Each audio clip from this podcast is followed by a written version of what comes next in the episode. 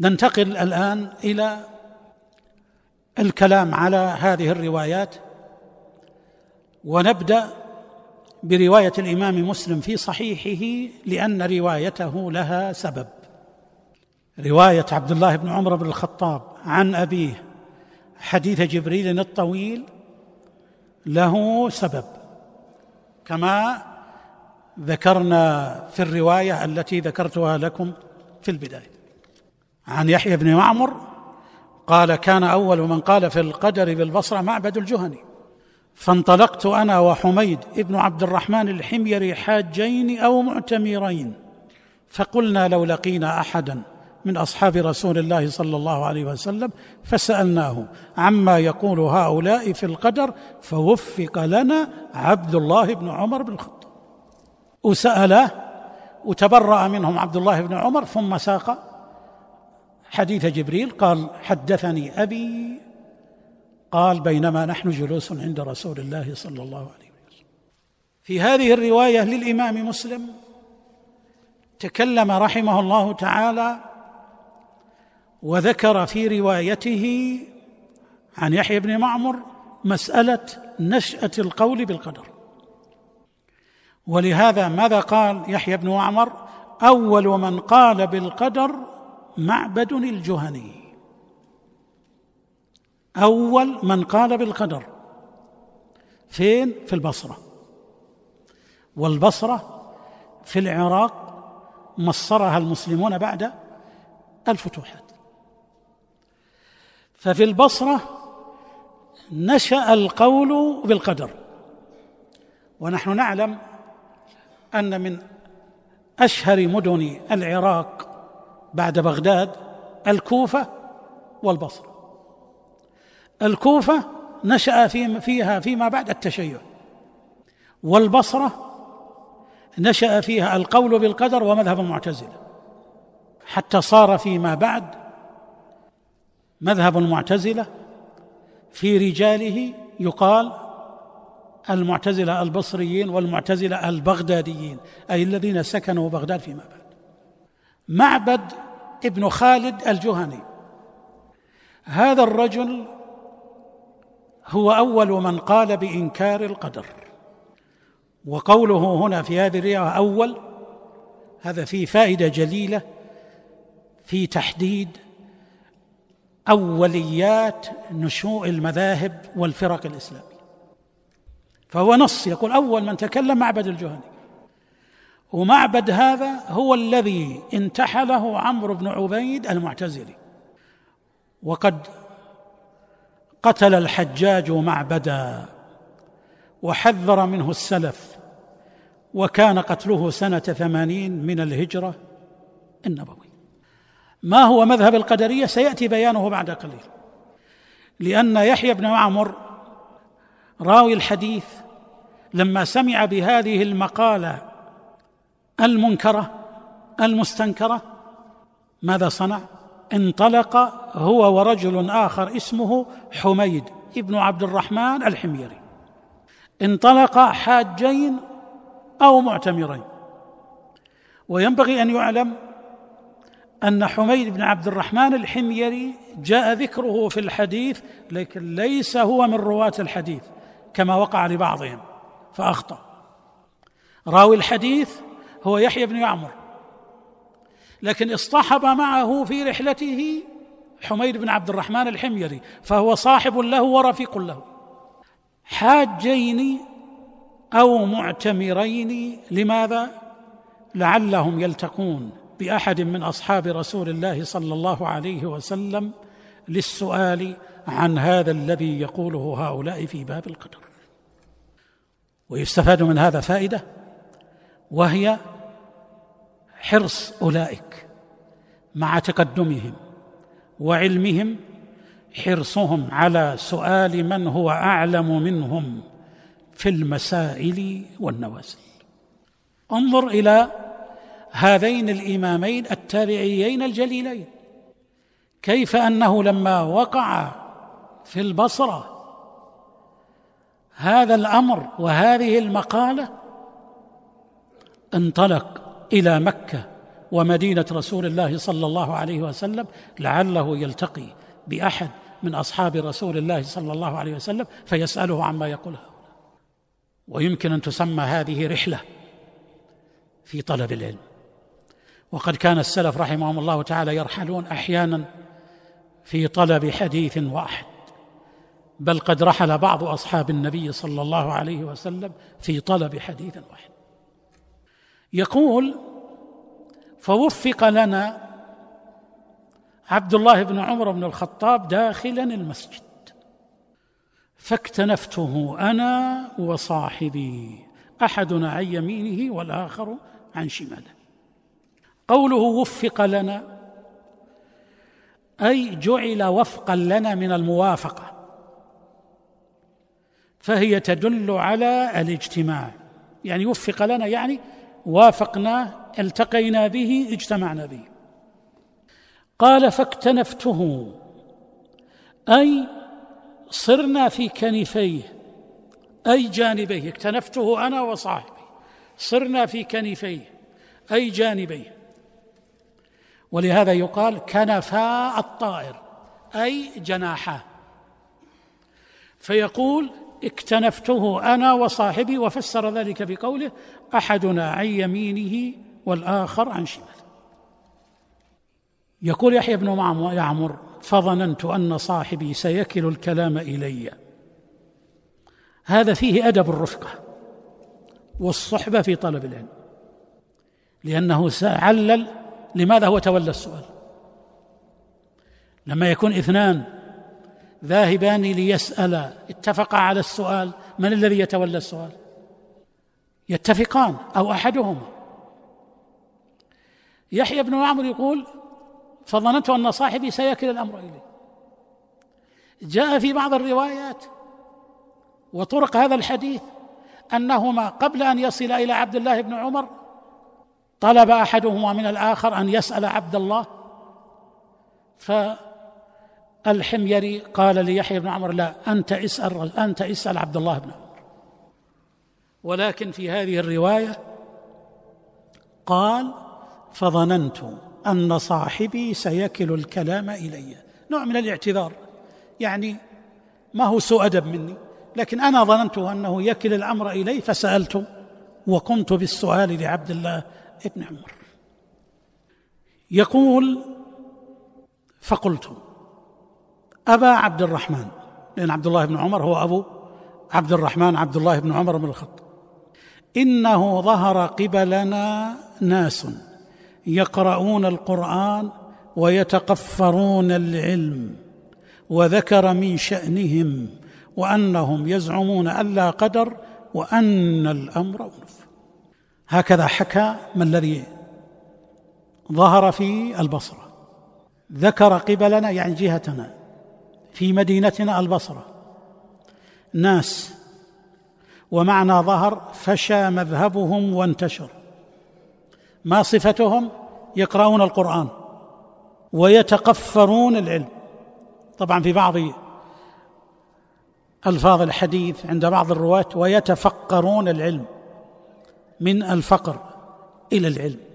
لكن المشهور ويتقفرون العلم أي يطلبونه ويتتبعونه وقيل معناه يجمعونه. وذكر من شأنهم ذكر من شأنهم قيل عظم من شأنهم في حرصهم على العلم وقيل ذكر من شأنهم حتى يبين خطرهم وتأثيرهم على الناس أنهم ينتسبون إلى العلم يقرؤون القرآن ويتتبعون ويطلبون العلم ومن شأنهم لهم شيء من المكانة فلهم تأثير على الناس. ثم ذكر بيت القصيد من أسئلته وهو قوله وأنهم يزعمون ألا قدر وأن الأمر أنف. ألا قدر أي ينفون القدر وأن الأمر أنف أي مستأنف لم يسبق لله فيه علم. والقدر هو تقدير الله عز وجل للأمور علمه وإحاطته بها وكتابته لها ومشيئته لها وخلقه لكل شيء. فهؤلاء القوم الذين ابتدعوا هذه البدعة وجاء هذا التابعي يسأل أصحاب رسول الله صلى الله عليه وسلم عنهم هؤلاء قوم أنكروا الإيمان بالقضاء والقدر. ما الذي أنكروه؟ أنكروا مراتبه كلها العلم وما بعده.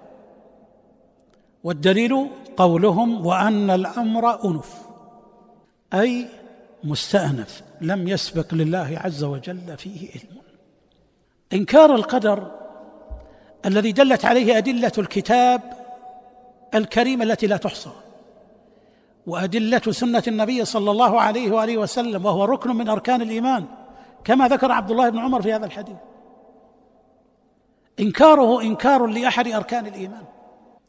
يزعم أصحابه أن الإنسان يستقبل من أمره وأن الله لا يعلم الأشياء إلا بعد وجودها. ومعنى هذا أن الإنسان هو الذي يصنع ويضع قدر. فهؤلاء القدرية المنكرون للقدر هم على فرقتين.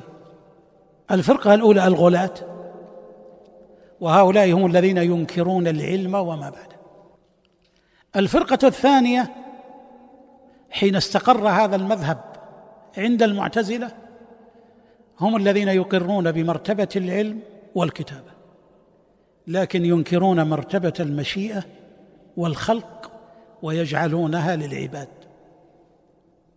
فيقولون مشيئة العبد تغلب مشيئة الله والعبد يخلق فعله. وأهل السنة والجماعة يقولون كل المراتب الأربعة لله عز وجل. ما من شيء يجري إلا والله علمه وكتبه قبل أن يخلق العباد وهو الذي شاءه وأراده. وأيضا الله خالق العباد وأفعال العباد. أما العباد فلهم مشيئة تخصهم ولهم قدرة وهم فاعلون لأفعالهم حقيقة. وعلى ذلك يترتب الثواب والعقاب والمسؤوليه إنكار القدر مذهب قديم لكن أيضا هو مذهب جديد. في الفلسفة المعاصرة هناك فلسفات تقوم على إنكار القدر من أوله إلى آخره. وكما هو معلوم هذه الفلسفات أصلا هي فلسفات تقوم على الإلحاد والزندقة لكن لا تؤمن بأي شيء مقدر سابق.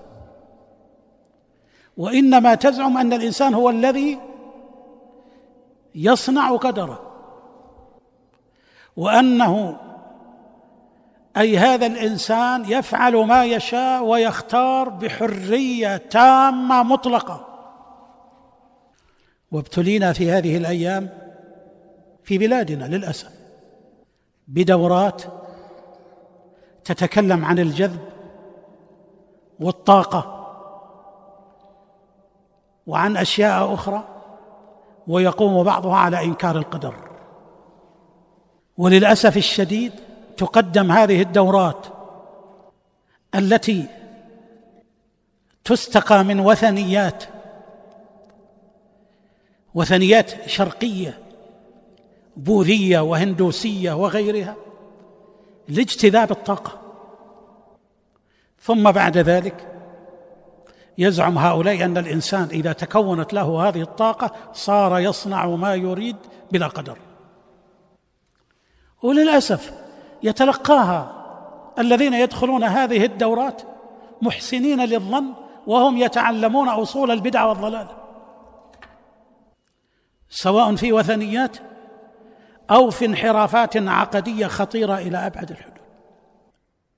فالقول بأن الإنسان يستطيع أن يصنع قدره وأن الله لم يقدر على الإنسان شيئا وإنما هذا الإنسان هو الذي يفعل.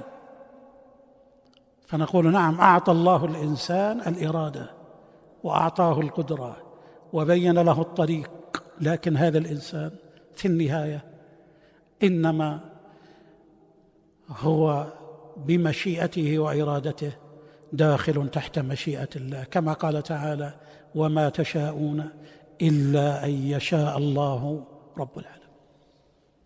نعم العبد له مشيئة وبها يفعل وعليها يكلف. ومن ثم فإذا فقد هذه المشيئة وصار مكرها لا يكلف. لكن العباد جميعا داخلون تحت مشيئة الله عز وجل.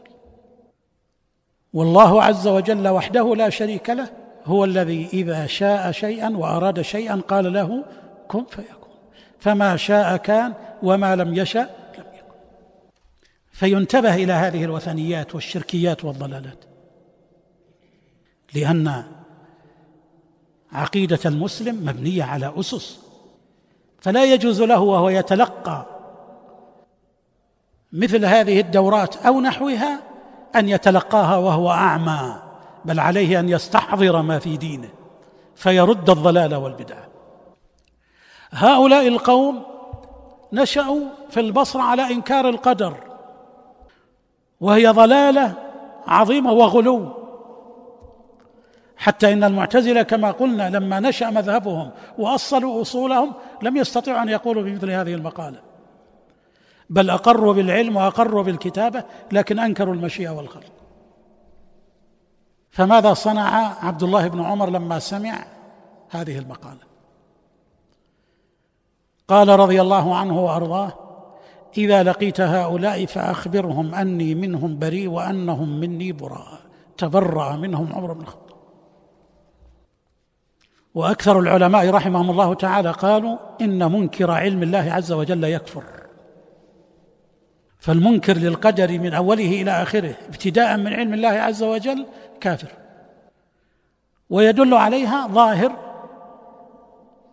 عبارة عبد الله بن عمر أخبرهم أني منهم بريء وأنهم مني براء. والذي يحلف به عبد الله بن عمر لا يؤمن أحدهم. والذي يحلف به عبد الله بن عمر. لو أن لأحدهم مثل أحد ذهبا فأنفقه ما قبل الله منه حتى يؤمن بالقدر. وهذا يدل على الموقف العظيم لهؤلاء الصحابة رضي الله عنهم وأرضاهم من تلك البدع المغلظة التي كانت تنشأ في الأمة الإسلامية. وهذا عجيب أن الغلو نشا حتى في البدايات. معلوم أن البدع في العادة تنشأ خفيفة ثم تكبر وهذا هو الغالب عليها. لكن أيضا في زمن مبكر نشأت بدع مغلظة غريبة وغريبة جدا. فمثلا ابن سبأ عبد الله بن سبأ اليهودي كان يروج في زمن الصحابة للرجعة. كان يروج للرجعة. بدأها برجعة الرسول لما توفي. قال كيف يرجع عيسى في آخر الزمان ومحمد ما يرجع؟ ثم بدأها برجعة علي رضي الله عنه وأرضاه. ثنى برجعة علي. مجموعة من الشيعة أيضا في عهد علي رضي الله عنه وأرضاه قالوا إن عليا هو الإله. فحفر لهم رضي الله عنه وأرضاه أخاديد وأوقد نارا وأحرقهم فيها. ولم يختلف الصحابة رضي الله عنهم وأرضاهم في موافقة علي في قتلهم وإنما خالفه بعضهم في حرقهم. هناك فرق بين الحرق وإيش؟ والقتل. فالقتل أعم. اتفقوا على قتل هؤلاء. لأنهم زعموا أن علي رضي الله عنه وأرضاه اله هو الإله. وهذا الزعم إلى يومنا هذا. علي والحسن والحسين وفاطمة يعبدون من دون الله. يزعم الرافضة أنهم يدبرون الكون يستغيثون بهم ويسألونهم من دون الله عز وجل. يعظمونهم ويحبونهم أعظم مما يعظمون ويحبون الله ورسوله صلى الله عليه وسلم. فابن عباس رضي الله عنهما قال لو كان لي الأمر ما أحرقتهم ولكن قتلتهم. فاتفق الصحابة على قتل هؤلاء. أيضا من الغلو ما في هذا الحديث وهو وجود هذه الفئة في البصرة زمن التابعين وبوجود أصحاب النبي صلى الله عليه وآله وسلم ينكرون القدر من أوله إلى آخره بداية من العلم. فعبد الله بن عمر رضي الله عنه وأرضاه كان موقفه قويا كموقف علي بن أبي طالب.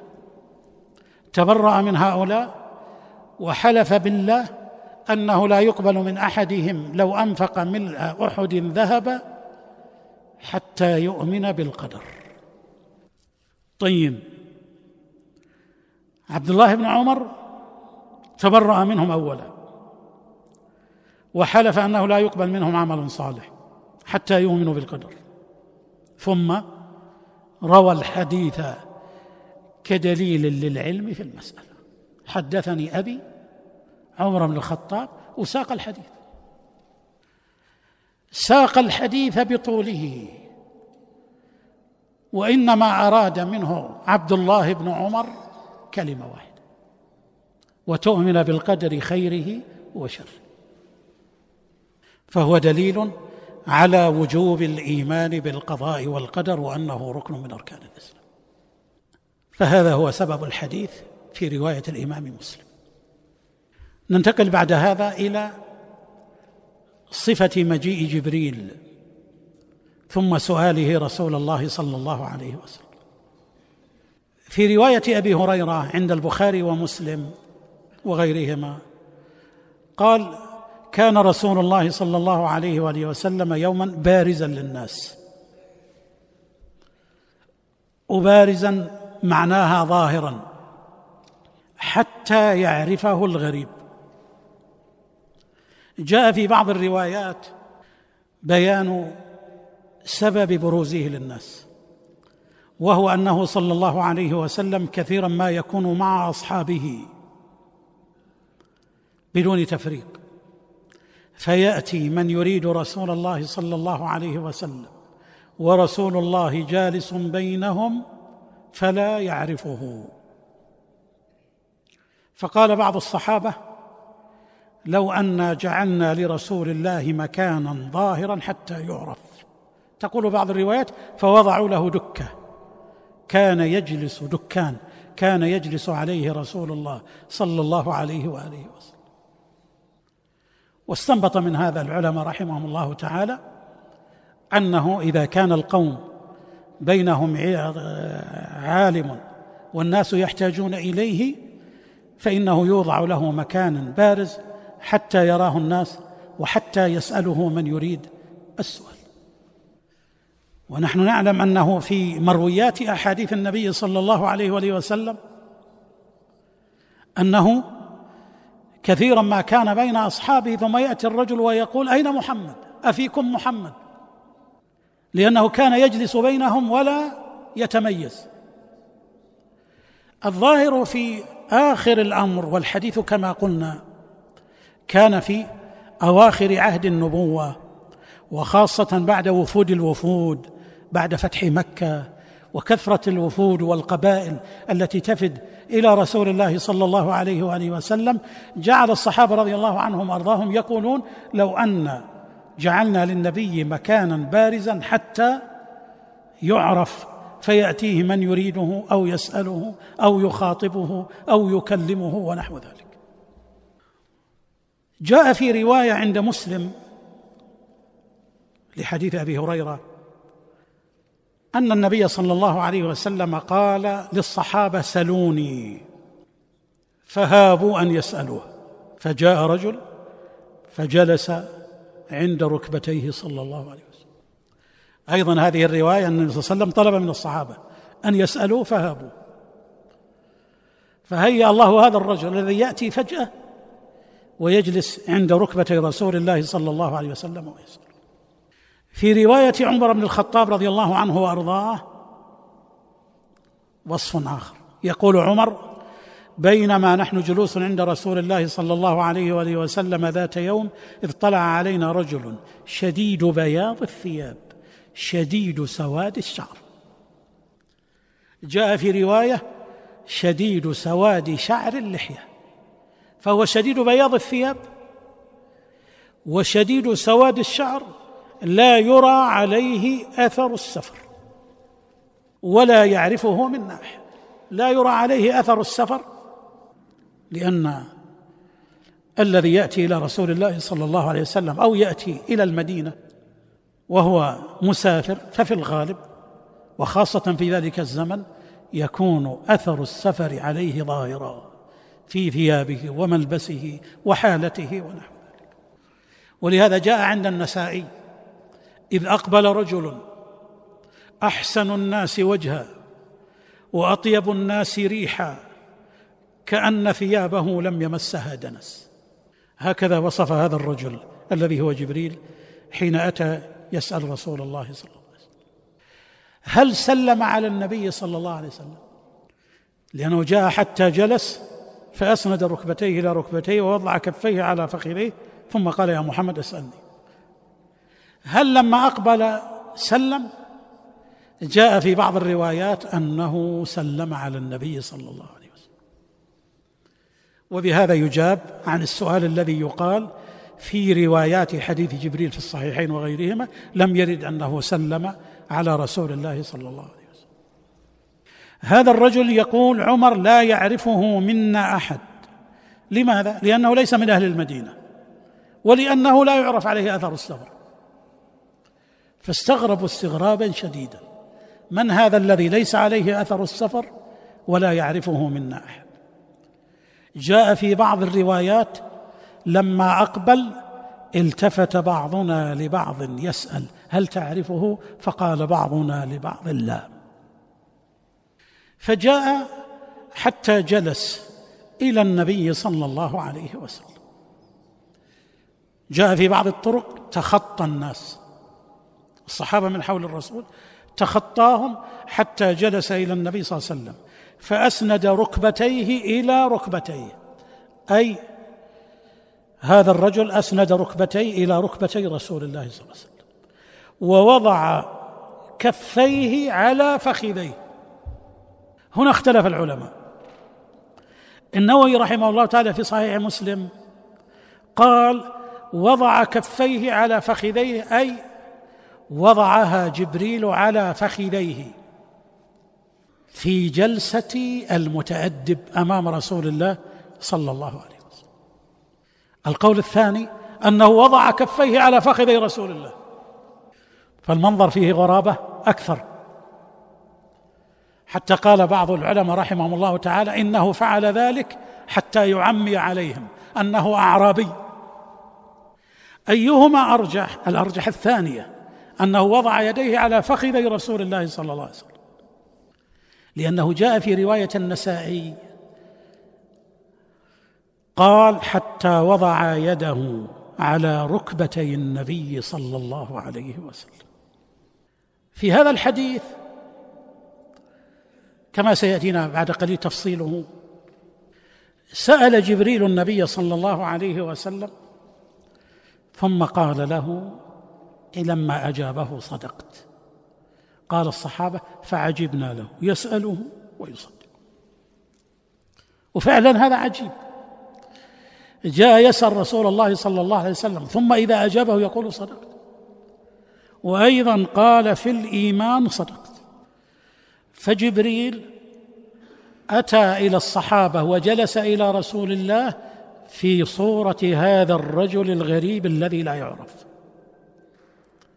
فدل على ما هو مقتضى الإيمان بالملائكة وأننا نؤمن بهم وهم خلقوا من نور والله أعطاهم قدرات وصفاتهم معروفة لكن أيضا من صفاتهم أنهم قد يتشكلون على صورة بشر كما هو الغالب في صورة دحية الكلب بالنسبة لجبريل وكما في هذه الرواية في صورة رجل غريب لا يعرف.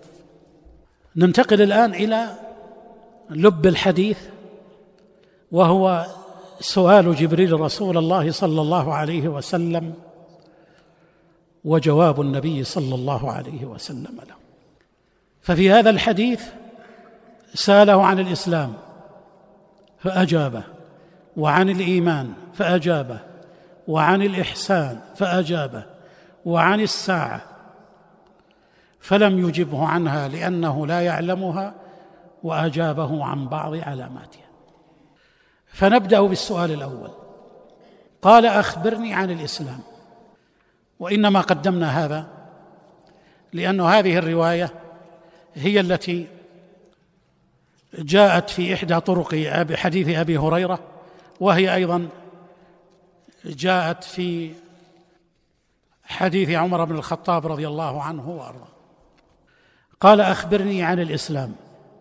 فقال رسول الله صلى الله عليه وسلم الإسلام لاحظ معي أعاد الإسلام أن تشهد أن لا إله إلا الله وأن محمدا رسول الله وتقيم الصلاة وتؤتي الزكاة وتصوم رمضان وتحج البيت إن استطعت إليه سبيلا. قال صدقت. قال فعجبنا له يسأله ويصدق. فالسؤال عن الإسلام وأجاب النبي صلى الله عليه وآله وسلم بأن الإسلام هو هذه الأركان الخمسة. أن تشهد أن لا إله إلا الله وأن محمدا رسول الله تقيم الصلاة تؤتي الزكاة تصوم رمضان تحج البيت. والإسلام هو الاستسلام لله عز وجل وجامعه ما عرفه بعضهم بقوله هو الاستسلام لله بالتوحيد والانقياد له بالطاعة والخلوص من الشرك. ومقتضى هذا التعريف أن الإسلام هو الاستسلام والطاعة. أسلم وجهه استسلم لربه سلم أمره يسلم وجهه إلى الله. ثم إن النبي صلى الله عليه وسلم فسر الإسلام في هذا الحديث بأعمال الجوارح الظاهرة من القول والعمل. قول اللسان قال تشهد أن لا إله إلا الله وأن محمدا رسول الله. ويدخل فيه عمل اللسان أيضا لأن تكرار الشهادة لا إله إلا الله لا إله تكرار الذكر من عمل اللسان. لكن الأصل فيها النطق. وعمل بدني كالصلاة والصيام. وعمل مالي كالزكاة. وما هو مركب من المال والبدن كالحج لمن هو بعيد عن مكة.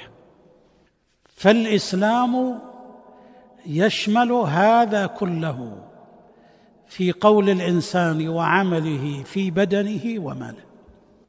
ثم ذكر الأركان الخمسة. وهذه هي أصول الإسلام التي بني عليها. وقد جاء في حديث عبد الله بن عمر رضي الله عنهما عن رسول الله صلى الله عليه وآله وسلم حديثا مستقلا. قال عليه الصلاة والسلام بني الإسلام على خمس. شهادة أن لا إله إلا الله إلى آخر الحديث. في رواية أبي هريرة ذكر الأربعة أركان لكن لم يذكر الحج. وكما قلنا لكم إن بعض الرواة قد لا يذكر أو قد يكون نسي لكن الروايه الأخرى تدل على دخول الحج حتى في رواية حديث جبريل. وهذه الأركان الخمسة هي معالم الإسلام الظاهرة وهي تنبه إلى وجوب جميع الواجبات الظاهرة وأنها داخلة في الإسلام. ما الذي يدل على ذلك؟ أحاديث أخرى. جاء في الصحيحين عن رسول الله صلى الله عليه وآله وسلم أنه قال المسلم من سلم المسلمون من لسانه ويده. جاء أيضا في الصحيحين أن رجلا سأل النبي صلى الله عليه وسلم أي الإسلام خير؟ قال أن تطعم الطعام وتقرأ السلام على من عرفت ومن لم تعرف. جاء في الحاكم عند الحاكم من حديث أبي هريرة رضي الله عنه مرفوعا إلى النبي صلى الله عليه وسلم قال إن للإسلام ضوءا ومنارا كمنار الطريق. وفي بعض الألفاظ إن للإسلام صوى ومنارا كمنار الطريق. صح عن حذيفة وروي مرفوعا إلى النبي صلى الله عليه وسلم الإسلام ثمانية أسهم. الإسلام سهم والصلاة سهم والزكاة سهم والجهاد سهم وصوم رمضان سهم والحج سهم والأمر بالمعروف والنهي سهم والنهي عن المنكر سهم. رواه البزار وأبو يعلى الموصلي. وعلى هذا فان ما ذكرت أركان الإسلام الظاهرة لكن الجهاد داخل في الإسلام. والأمر بالمعروف والنهي عن المنكر داخلان في الإسلام. وكذلك أيضا الواجبات الأخرى الظاهرة كلها داخلة في الإسلام. بل يدخل في الإسلام ترك المحرمات. فقد قال صلى الله عليه وآله وسلم من حسن إسلام المرء تركه ما لا يعني. وروى أحمد والترمذي عن النبي صلى الله عليه وسلم ضرب الله مثلا صراطا مستقيما وعلى جنبيه الصراط وعلى جنبتي الصراط سوران فيهما أبواب مفتحة وعلى الأبواب ستور مرخاة صراط وعلى جنبيه الصراط سوران عليهما أبواب مفتحة عليها ستور مرخاة وعلى باب الصراط داع يقول أيها الناس ادخلوا الصراط جميعا ولا تعوجوا. وداع يدعو من جوف الصراط. فإذا أراد أحد أن يفتح شيئا من تلك الأبواب قال ويحك لا تفتح فإنك إن تفتحه تلجه. قال في تفسيره والصراط الإسلام. والسوران حدود الله والأبواب المفتحة محارم الله وذلك الداعي على رأس الصراط كتاب الله والداعي من فوقه واعظ الله في قلب كل مسلم. زاد الترمذي ثم تلا قوله تعالى والله يدعو إلى دار السلام ويهدي من يشاء إلى صراط مستقيم. ما حكم من أنكر أو ترك شيئا من مباني الإسلام؟ من أنكر أي واحد من مباني الإسلام كفر بإجماع المسلمين. من أنكر الصلاة أو الزكاة أو الصيام أو الحج. من لم يقر بالشهادتين فهو كافر. ولهذا العلماء رحمهم الله تعالى يقولون لا يدخل أحد في الإسلام إلا إذا اقر بالشهادتين. إلا من عذر كأن يكون أبكم. الشهادتان متلازمتان. شهادة أن لا إله إلا الله وأن محمد رسول الله. لا تصح إحداهما بدون الأخرى. فمن شهد أن لا إله إلا الله ولم يشهد أن محمد رسول الله كفر. ومن شهد أن محمد رسول الله ولم يشهد أن لا إله إلا الله كفر. وعلى هذا فاليهود والنصارى كفار بإجماع المسلمين لأسباب منها عدم شهادتهم أن محمدا رسول الله. كيف؟ وهم لا يقتصرون على هذا الكفر بل يضمون إليه عدم شهادتهم أن لا إله إلا الله لأنهم يعبدون المسيح ويقولون إن الله ثالث ثلاثة ويكذبون بالقرآن ويكذبون بما جاء به محمد صلى الله عليه وآله وسلم. بل اليهود والنصارى مكذبون لموسى وعيسى. مكذبون لموسى وعيسى. النصارى مكذبون لعيسى واليهود مكذبون لموسى. بأي شيء كذبوه كذبوهما بالخروج عن التوحيد. وموسى وعيسى رسول الله كل منهم دعا إلى التوحيد بخلاف ما عليه اليهود والنصارى. ثم أيضا كذبوا موسى وعيسى بما جاءوا به من البشارة بمحمد صلى الله عليه وآله وسلم. فدعواهم الانتساب إليهما كذب وزور. وإنما موسى وعيسى أنبياء لنا وعندنا نحبهم ونؤمن بهم ونتبعهم. بقية المباني ما حكم من تركها من غير إنكار لوجوبها؟ أما الصلاة فمن تركها كسلا مع إقرار بوجوبها ففيها خلاف والصحيح أنه كافر الكفر الأكبر لأدلة صريحة في ذلك. أما الزكاة فإذا لم ينكر وجوبها وتركها فإنه لا يكفر وتؤخذ منه بالقوة إلا في حالة واحدة إذا اجتمع قوم فأبوا دفعها وقاتلوا عليها فإنهم يكفرون كما وقع لمانع الزكاة الذين قاتلهم أبو بكر الصديق رضي الله عنه.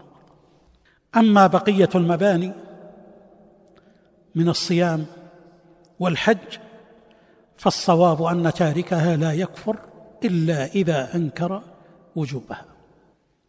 مع أن بعض العلماء قال وهو رواية عن الإمام أحمد بكفر من ترك أي واحدة من مباني الإسلام. هذا هو الإسلام. أما علاقته بالإيمان وقضاياه فستأتي إن شاء الله تعالى بعد المغرب حين نبين الإيمان والمسائل المتعلقة بهما. نكتفي بهذا وصلى الله وسلم على نبينا محمد وآله وصحبه أجمعين.